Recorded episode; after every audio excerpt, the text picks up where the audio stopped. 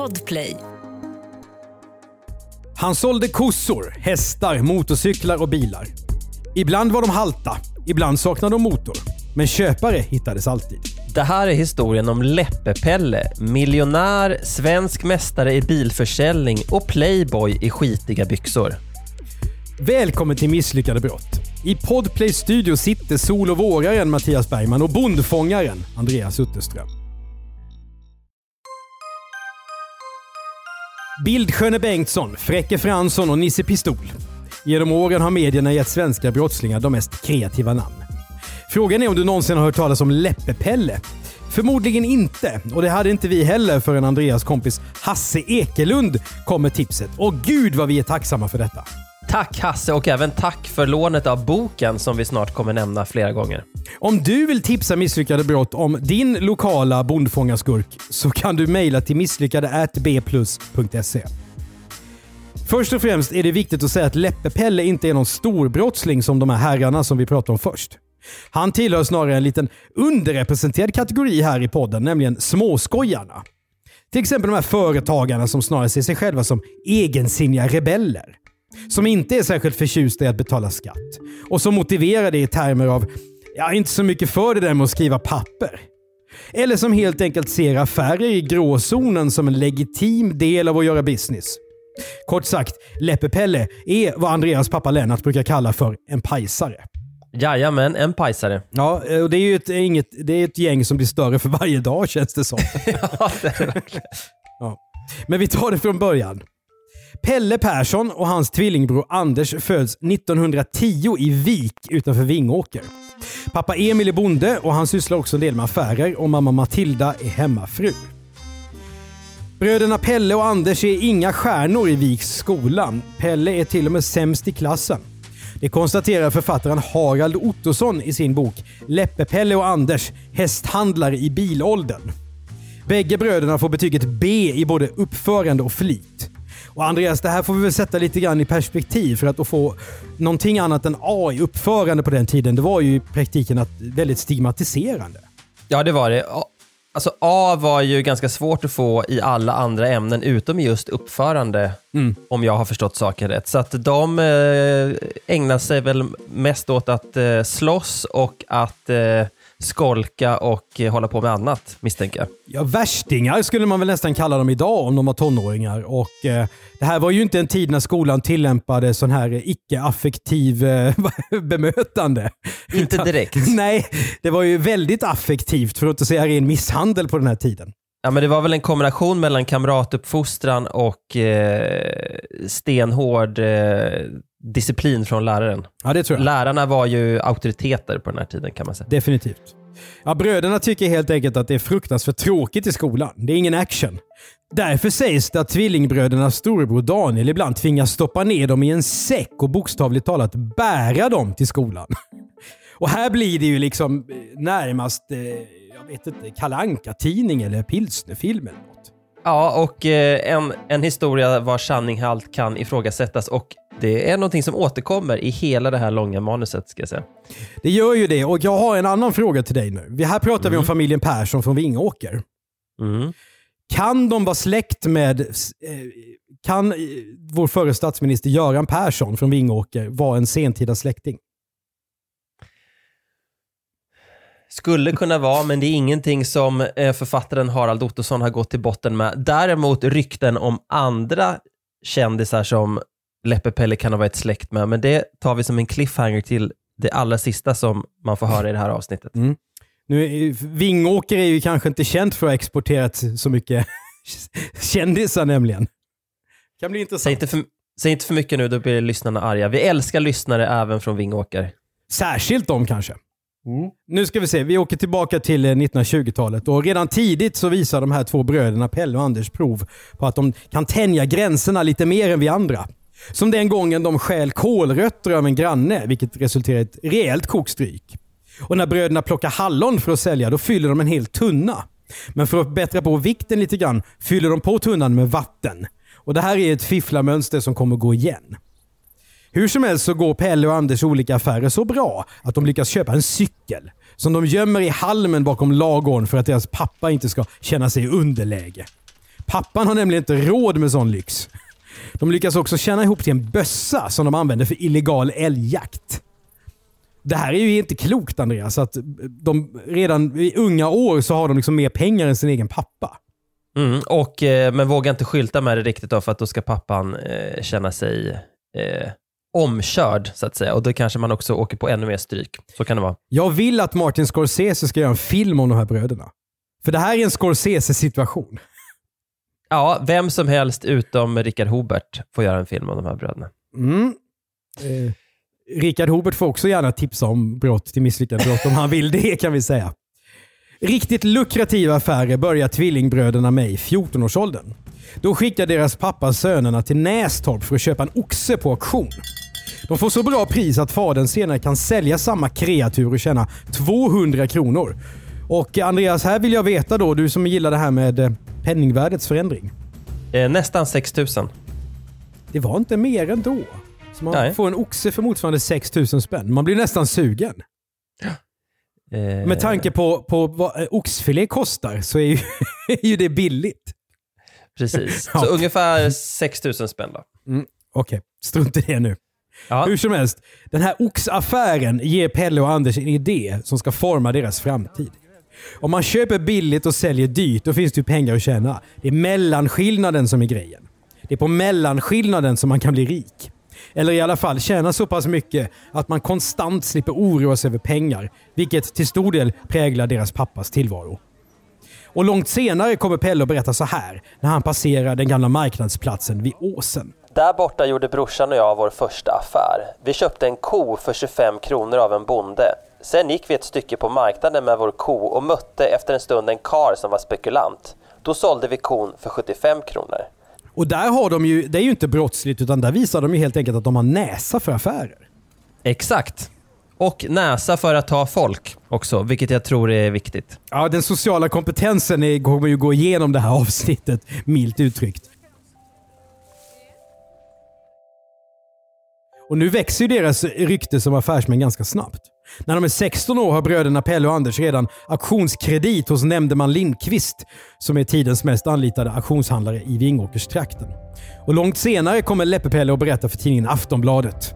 På den tiden var det okej med lite småfiffel, men någon hästskojare var jag inte. Jag köpte upp gamla kusar som gjort sitt under kriget, vaxade igen hovarna och filade av tänderna på dem.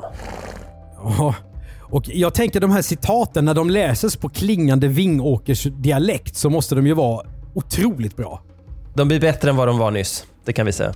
Bröderna drar sig inte för mer krångel än så. De åker runt i trakten, driver oxar på landsvägen från Åsens marknad till Hjälmaresund och fraktar kreatur med båt via Hjälmar kanal till Arboga. Andra gånger tvingas de tillsammans med djuren att övernatta i något kyrkstall. En gång går det lite fel. De installerar djuren i stallet vid Lännäs kyrka och så hittar de en byggnad bredvid där de själva sover över. Först dagen efter upptäcker bröderna att de sovit i likboden. Ugh. Ja, det är... Men eh, cashen ska in. Cashen ska in ja.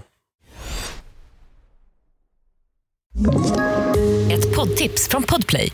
I podden Något Kaiko garanterar östgötarna Brutti och jag, Davva, dig en stor dos skratt. Där följer jag pladask för köttätandet igen. Man är lite som en jävla vampyr. Man har fått lite blodsmak och då måste man ha mer. Udda spaningar, fängslande anekdoter och en och annan arg rant. Jag måste ha mitt kaffe på morgonen för annars är jag ingen trevlig människa. Då är du ingen trevlig människa, punkt. Något Kaiko, hör du på Podplay. Därför är gardinerna. Sakta men säkert växlar nu bröderna upp sina affärer. 1938 har Pelle tjänat ihop så mycket pengar att han kan köpa en av fastigheterna i Stavhälla vid Läppe utanför Vingåker.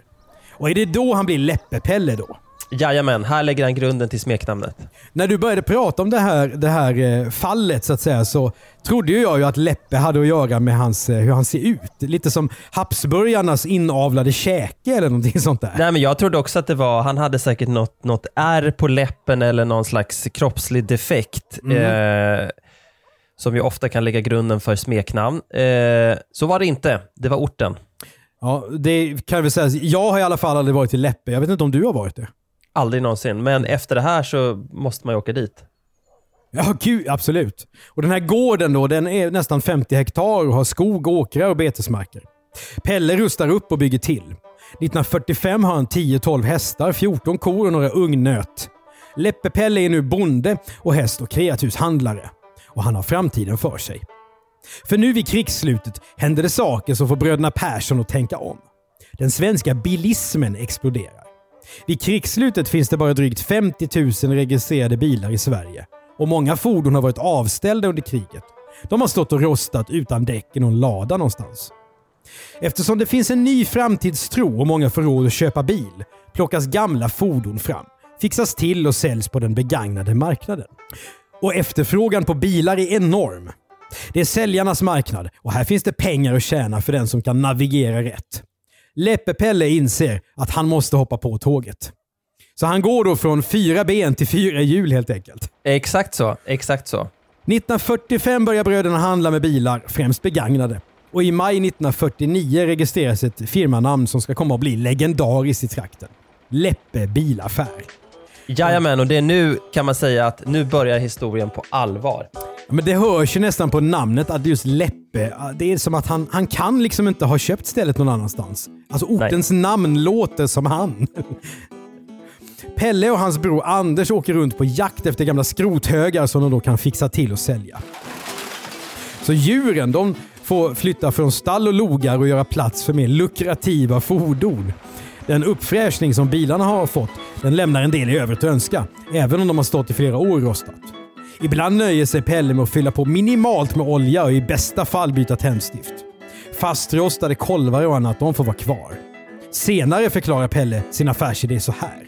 Det är såklart att man inte berättade sånt. Det var så vanligt att man inte tänkte på det just efter kriget. Och det är ju inga konstigheter. Om det är jättedålig bilpark och alla vill köra bil, då tar man ju att det är lite, lite sunkigt.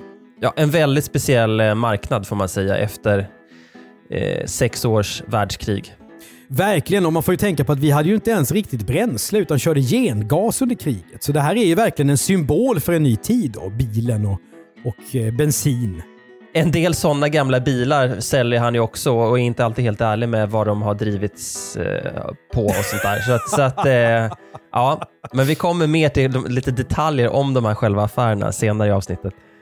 Utanför bilaffären i Läppe flockas nu spekulanter som är sugna på att starta om på ny kula efter kriget med egen bil. Och vill de köpa kossor eller färsk mjölk samtidigt så går det bra också. Stadsbor som reser till bilaffären blir lite överrumplade när brunstiga kossor och tjurar bjuder på underhållning på gården. Ja, ja, de ligger helt enkelt. Jajamän. Åh herregud.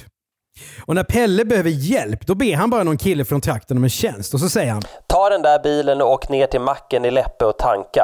Blås gärna ur bilen lite, det skadar inte. Ja, om de här killarna har körkort eller inte, det bryr sig inte Pelle om det minsta. Han har inte tid med sådana detaljer. Det finns pengar att tjäna och fort ska det gå.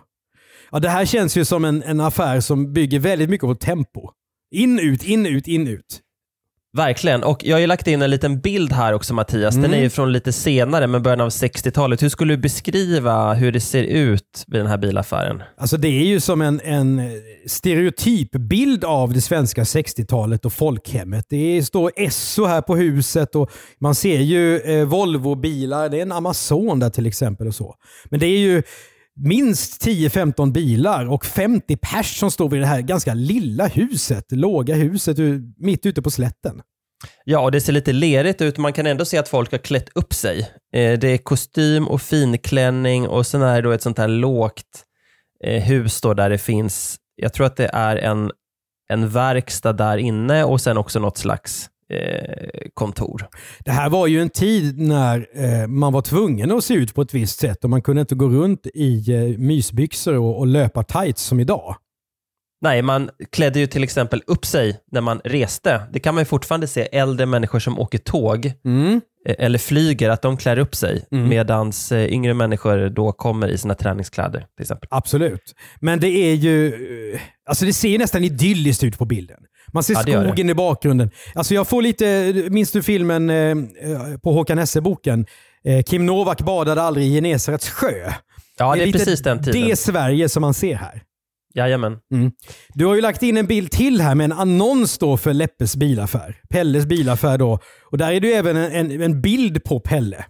Ja, det är en tecknad bild då på massa bilar och en tecknad kropp och så har man då klippt in Pelles eh, ansikte och så står det “Kör till Pelles bilmarknad. Allt fler åker till Pelles bilaffär i Läppe och köper sina, sin nya eller begagnade bil. Vi säljer nya bilar av de flesta förekommande märken.” Mm. Och jag vet inte om man ska gå in på utseende, det brukar ju vara elakt ibland, men min fördom om hur bilhandlare såg ut vid den här tiden, den bekräftas ju till 100% när man ser bilden av Pelle. Han ser väl ut som att han är fryntlig, som man brukar säga. Ytterst fryntlig, snedlugg, eh, han hatar inte mat ehm, och blicken är hungrig. Ja. Men nu får vi gå vidare med historien här. Ja, just det. Vi ska ju berätta här ju. Genom sin bilaffär sätter Pelle nu lilla Leppe på kartan då. Inte minst genom den här annonsen kanske. Han blir för Leppe vad GKs är för Ullared idag. Pelles business blir rena söndagsnöjet faktiskt. Under storhetsåren 1949-52 så sägs det att en enda söndag kommer det 5000 nyfikna personer till bilaffären. En uppgift som förstås bör tas med en nypa salt. I synnerhet om det är Pelle själv som är källan. Ja, han har ju liksom ingen etik när det gäller PR. han Alltså, är bra han- på PR, men inte alltid med eh, sanningshalten. Nej, precis. Så här skriver för att få en tidsbild Katrineholms-Kuriren 1960. Köpare och nyfikna blandades om varandra. På söndagarna var det svart med folk hemma vid Stavhälla. Med hattarna på nacken och cigarrer i munnen gick Pelle och Anders omkring och demonstrerade. De nya affärsobjekten krävde en ny vokabulär som de under trägen övning började tillägna sig. De sa du till alla och bjöd på röka. Det var något av en folkfest och marknadsstämning och folk köpte. Det påstods att inne på köksgolvet lekte Pelles telningar bank med hundralappar och myndigheterna började fundera över om bröderna Persson verkligen deklarerade för allt eller om de ens visste hur mycket de tjänade. Ja, nej, eh, Pelle har inte alltid koll. I sin bok berättar Harald Ottosson om hur Pelle 1954 byter in en bra bil, betalar kontant mellanskillnad och sen lämnar en mer sliten bil i utbyte. Sen visade det sig att mannen som dykt upp vid bilaffären har lämnat in en hyrbil från Malmö. Något som Pelle såklart har struntat i att kontrollera. Då får han ju ett problem på halsen. Det slutar med en dom för häleri. 10 000 kronor i böter, skadestånd till uthyraren och notan för rättegångskostnaderna. Och jag vet att jag skrattade ju till lite här och det är ju dumt för att det är ju ett brott. Men det finns ju en väldigt gamäng-grej i de här brotten. Ja, och det finns också någon slags oskyldighetens skimmer över det här att även, man får uppfattningen om att även om folk har blivit blåsta så har man tyckt att man har varit med om något spännande. Ungefär som att det finns en dokumentär som har gått på SVT som heter Bedragaren. Som handlar om någon som låtsades bland annat att han var någon slags präst eller vad det var och vigde folk och allt möjligt. För mig att det var i södra Sverige. Han har blåst alla, ingen vet vem han är egentligen och var han kommer ifrån. Men när han hade lämnat Sverige så tycker de som hade med honom att göra ändå att de fick vara med om något spännande. Och jag tycker att, jag tror att det är lite samma sak med Pelle. Ja, men det låter så. Och jag tänker att om vi hade berättat det här fallet om bitcoinbedragare idag som lurar 80-åringar på deras eh, surt förvärvade sparpengar, så då har vi ju inte skrattat till på det sättet. Nej, det här är något annat. Ja, och tiden gör också att brottet känns charmigare på något vis. Ja, och ju längre tiden går desto charmigare eh, blir det. Såklart. Eh, men det är mycket som Pelle inte har koll på, Mattias. Nej, han är ju en administrativ katastrof som du har skrivit här i manuset. Bokföring är ingenting som han prioriterar. Mellan 1950 och 53 så sköter han själv böckerna och enligt egen utsago genom att skriva för hand i en anteckningsbok. Att hans handstil är i princip omöjlig att tyda, det gör inte saken bättre. Ordningen på kontoret lämnar också en hel del i övrigt att önska. Till tidningen C berättar Leppe Pelle. En gång tog städerskan itu med skrivbordet. Då blev jag så jävla arg. Hittar ju inte en enda bil. Nej. Nej, men det är ju som den här eh, kända dekalen.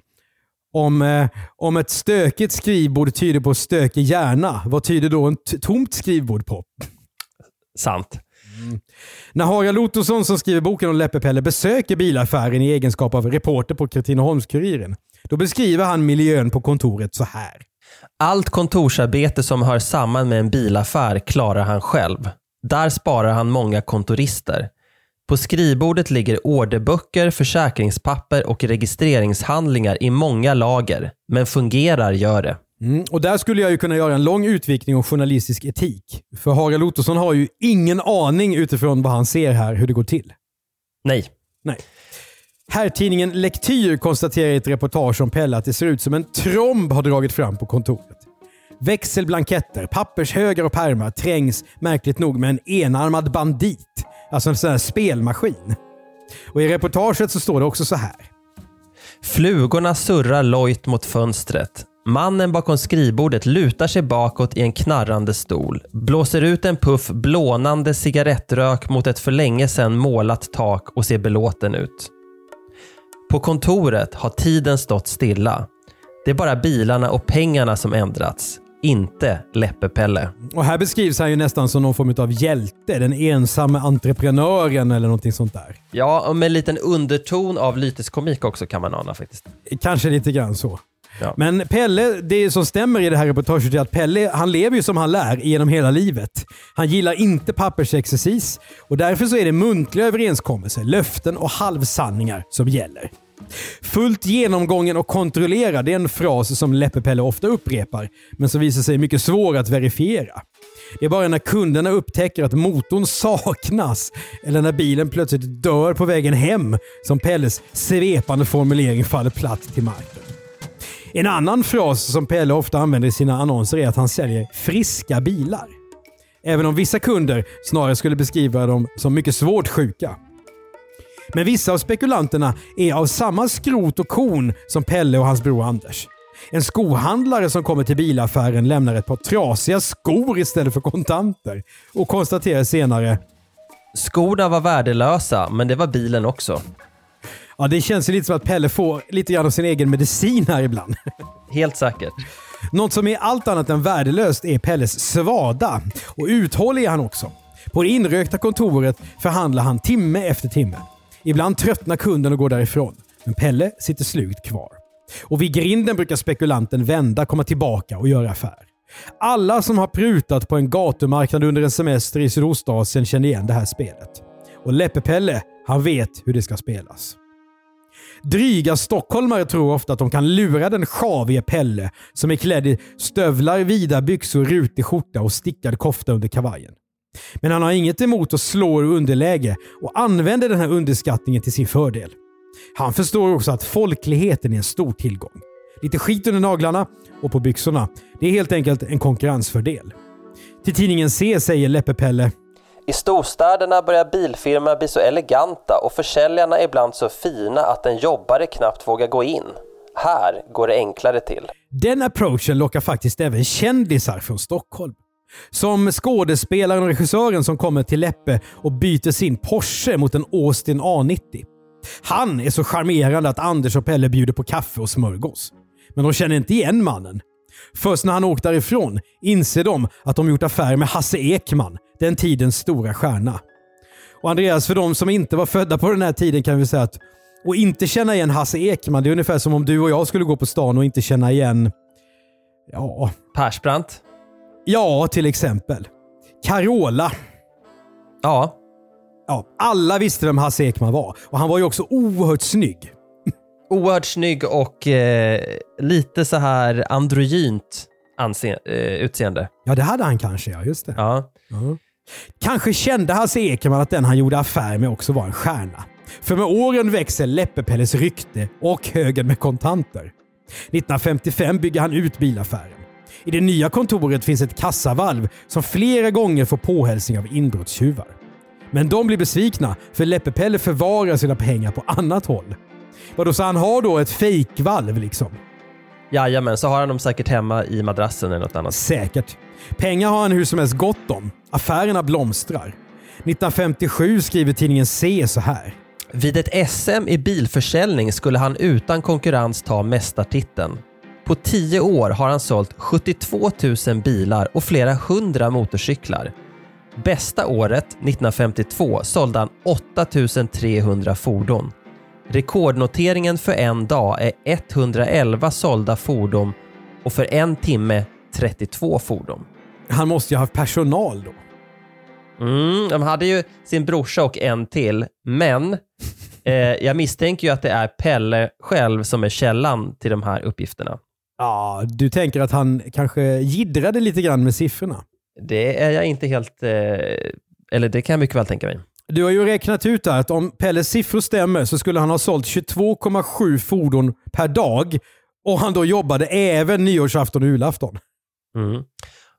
Och den här rekorddagen då, Mm. om vi leker med tanken att han jobbade 12 timmar, då skulle han alltså ha kränkt 9,25 fordon per timme, alltså ett var sjätte minut. Och det är svårt att tro det, även om tvillingbrorsan Anders och ytterligare en person eh, hjälpte till. Precis, för att det är en sak att de kan göra affärerna snabbt. Men de måste ju ha haft en otrolig kö då till vid Läppe där. Alltså det, folk måste ju ha stått... Det är på löpande band de kommer in där i sina kostymer. Exakt, exakt. Mm. Nej, det här är nog ännu ett bevis på Läppe-Pelles flexibla inställning till sanningen. All publicitet är bra publicitet. Om man serverar en story på silverfat, då kommer journalisterna att spela med. Eller som Pelle själv säger. Det viktigaste är att de skriver. Ja, så var det ju på den tiden. Idag är det ju lite annorlunda tror jag. Mm. När det gäller Läppe-Pelle är det i stort sett omöjligt att reda ut vad som egentligen har hänt och vad som egentligen är skrönor som har bättrats på med tiden. Och inte ens författaren Harald Ottosson har lyckats med den saken. Ett kapitel i hans bok heter “Vad ska man tro?” och där radar han upp anekdoter om Läppe-Pelle som ingen riktigt kan säga om de är sanna eller inte. Ja, det stämmer Mattias, så nu tänkte jag dra fem stycken av dem, eh, så får du avgöra om de har hänt eller inte. Och vi ska bara påpeka Åh, att du hör, alltså de här, du hör alltså de här för första gången. Ja, det är ju Eh, rena quizet det här. Ja, är du beredd? Ytterst.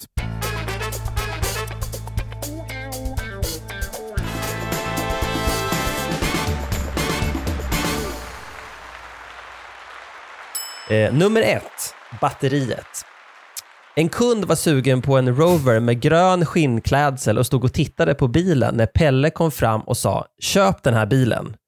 Spekulanten ville provköra men det ville inte Pelle. Mannen förstod snart och sa “Men det finns ju inget batteri i bilen”. Pelle svarade “Köp ett batteri så går den”. Nej, det, kan, det låter helt rimligt. Ja, sant sätter vi på den då. Tack. Mm. Nummer två, tvättade pengar. Mm. Pelle var känd för att alltid röra sig med mycket kontanter som han ofta hade i fickan. En gång när han var ute och fiskade föll han ur båten och ramlade i Hjälmaren. Han löste problemet genom att hänga upp sedlarna med klädnypor på ett klädstreck och förklarade senare Blöter man ner sina ägodelar måste man ju torka dem. Det låter lite för mycket som en serietidning. Ja, Okej, så den sätter du falskt. Ja. Då tar vi nummer tre. Ja, jag, får inte, jag får inte facit då. Nej. Nej, det är ingen vet. Inte ens Harald Ottosson vet. Jaha, just det. Du, nej, ja. Jag tänkte om du hade hittat på några av dem. Nej, men nu fattar jag. Mm. Ja, vi kör nummer tre då. Mm. Den heter överraskning i baksätet. Ja. En gång skulle en kund lämna Pelles bilaffär men behövde av någon anledning lämna sin egen bil kvar där. Du kan låna min, sa Pelle. Kunden upptäckte efter ett tag att Pelle glömt sin plånbok i baksätet. Han kunde inte låta bli att titta i den. Där fanns en tjock sedelbunt, 60 000 kronor sammanlagt. Kunden ringde upp Pelle direkt, men Pelle hade inte varit ett dugg orolig över att bli bestulen. Nej, jag visste ju att det var du som hade lånat bilen, sa han. Mm, nej. Alltså, summan reagerar jag inte på. Nej. Det låter rimligt. Men en person som Läppe-Pelle, även om han inte riktigt har koll på slantarna in och ut skatt, så bryr han sig om sina pengar. Han Den skulle, är falsk då. han skulle aldrig flytta plånboken från sin bakficka. Nej, nummer fyra. Mhm. Grevinnan. Eh, Pe- Pelle var inte den som klädde upp sig. Ofta bar han skitiga blå arbetsbyxor. Men ibland tvingades han tänka om. Som den gången han skulle besöka, som han uttryckte det, grevinnan på Ökna för att visa upp en bil. Men att byta om helt och hållet orkade inte Pelle, så han drog helt enkelt på sig kostymen ovanpå de skitiga arbetskläderna. Jag har ju fått se några stillbilder på Pelle. Och utifrån det så chansar jag nog på att den här, den här kan faktiskt vara sann. Mm, jag tror också det. För på den tiden, kan, idag med de här snitten som är på kostymer idag hade det ju aldrig gått för de är tajtare. Men på den tiden var det lite mer boxigt. Precis. Ja. Ja, den femte och sista här då, den heter Flykten. Pelle gillade inte att betala skatt. En gång fick han oanmält besök av en person som skulle driva in just obetalda skatter. Men Pelle lyckades smita upp på övervåningen och hoppa sen ut genom ett fönster och stack därifrån. Det var högt och Pelle var inte direkt i toppform, men klarade sig utan att bryta armar och ben. Sen försvann han till fots in i skogen. Och kvar i kökssoffan satt den här mannen förgäves och väntade på att få prata om obetalda skatter med Pelle. Kan mycket väl ha hänt tycker jag. Vad säger du? Eh, jag tror att den också kan ha hänt. Så då har vi alltså tre sanna Mm.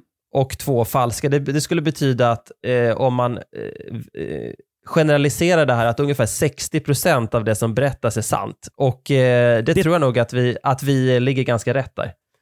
Ja, jag har, ja, det är svårt att säga. Jag tror ju att i, alltså, totalt sett kanske Pelle hade ännu lägre sanningshalt faktiskt än 60%. Men oavsett hur det är så det är ju ingen som kan ifrågasätta att han inte sålde en massa bilar. För det gjorde han ju. Verkligen. Mm. Men här, den här sista anekdoten som handlar om att någon skulle driva in skatt gissar jag Andreas att det kan inte varit enda gången, om det nu var sant, som det hände. Nej. Skatteverket kan ju, måste ju ha hatat Leppe-Pelle. Ja, och vi kommer till det snart.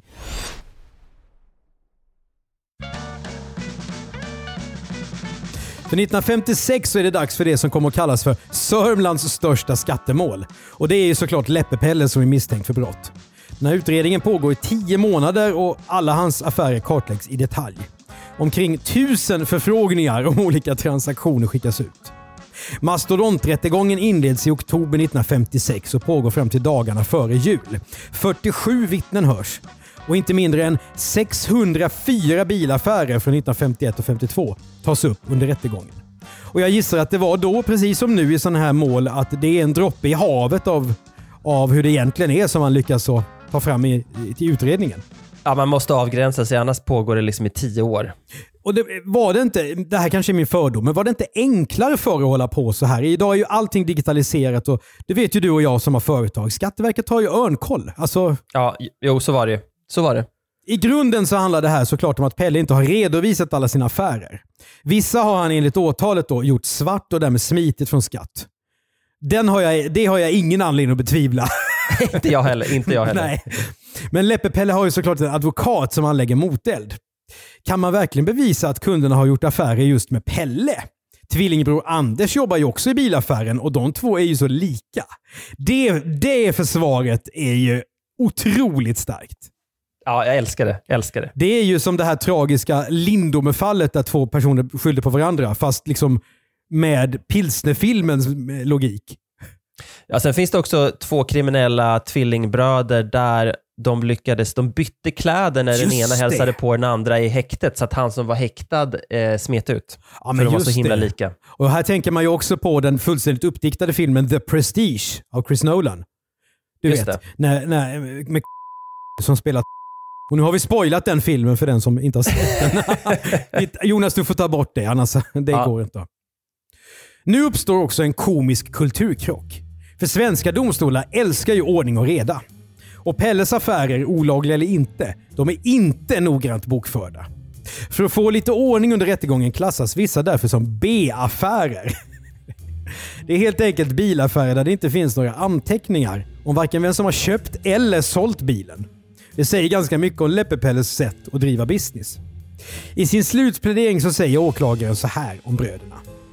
Sanning är för dem båda vilken lögn som helst, bara den gynnar deras egna syften. Leppe-Pelles advokat å sin sida, han svarar Deklarationen är slarvig, men inte brottslig. och där ringar ju han in en fråga som domstolen nu ska ta ställning till. Är det här verkligen olagligt? Till slut, i januari 1957, meddelas domen.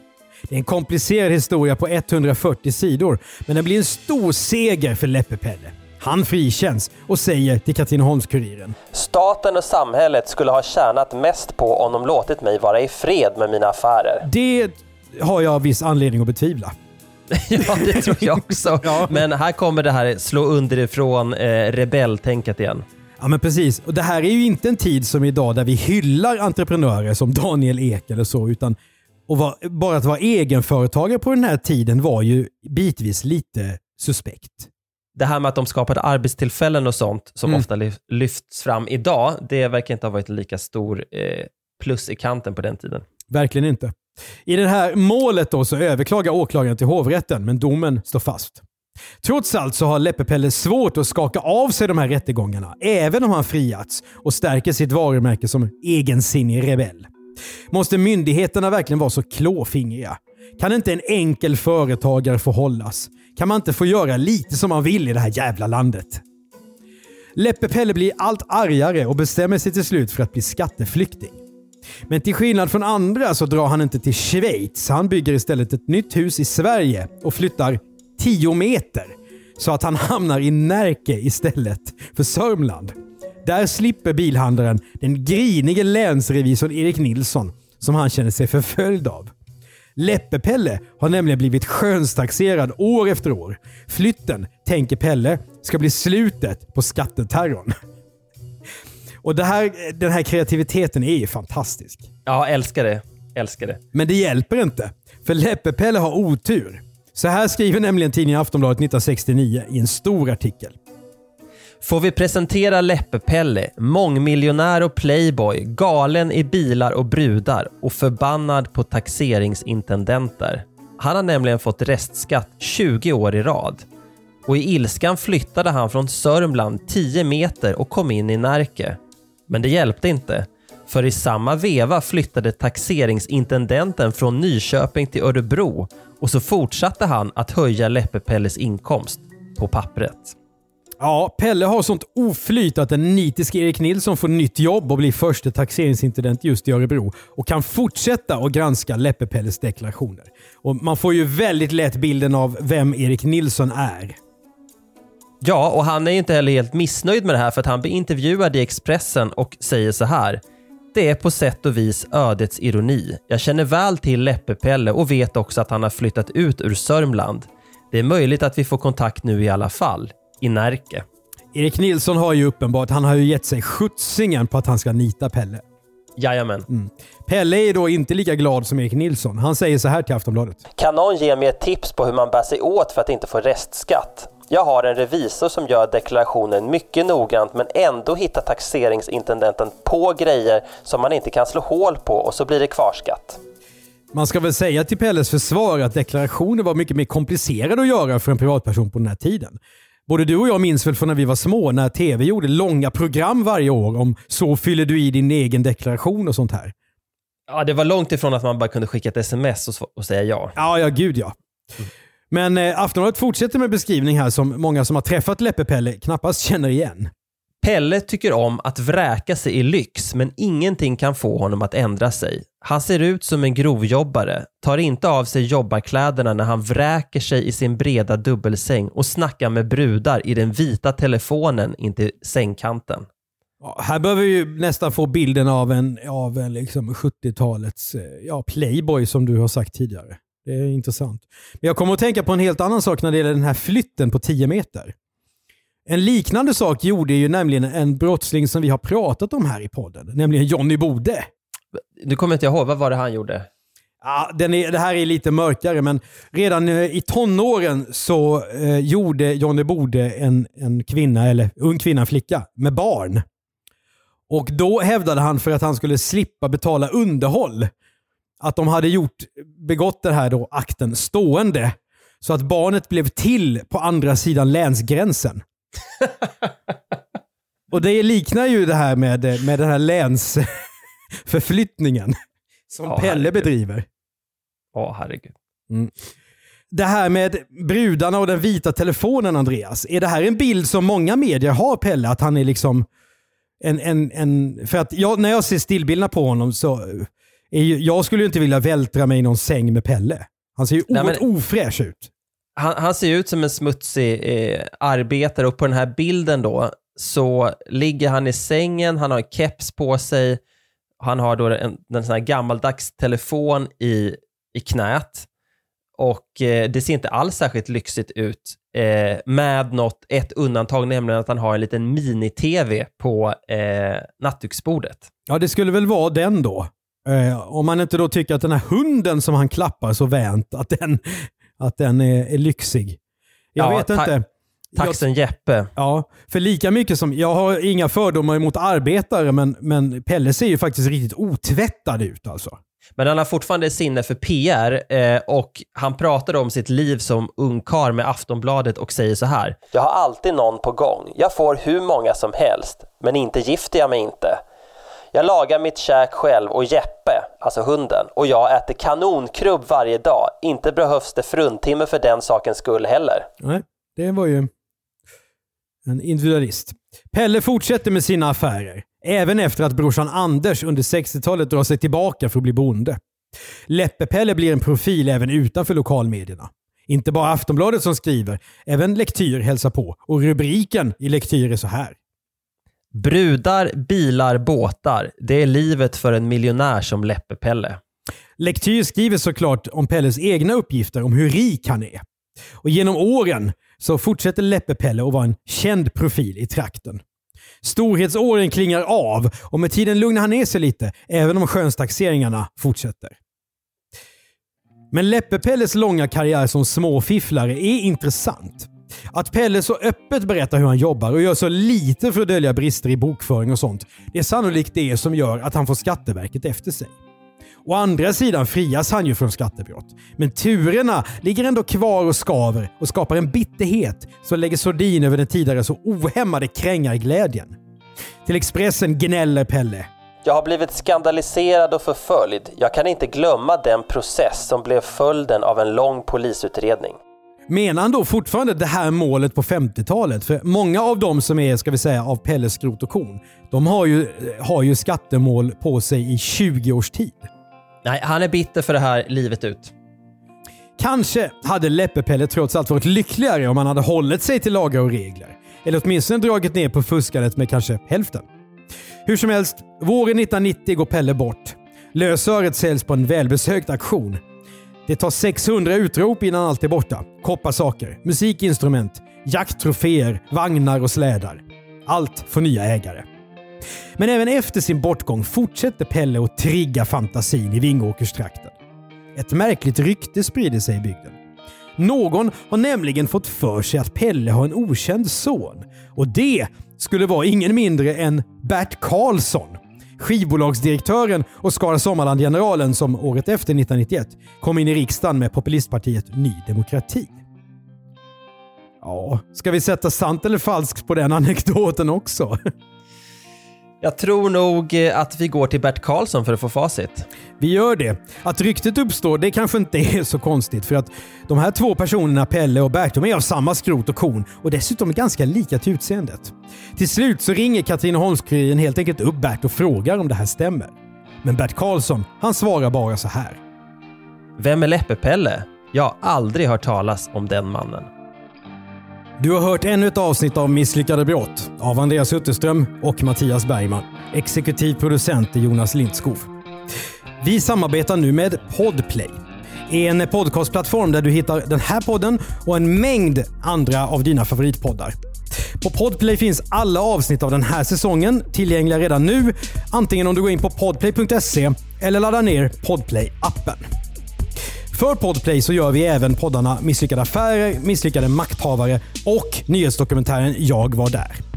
Vi driver också specialistbyrån för innehåll commercial content och gör då podden Världens bästa innehåll. Betygsätt gärna Misslyckade brott i din poddspelare och lägg en kommentar vad du tycker om den så är det fler som hittar till den. Och tipsa oss för guds skull om fler misslyckade brott till misslyckade bplus.se.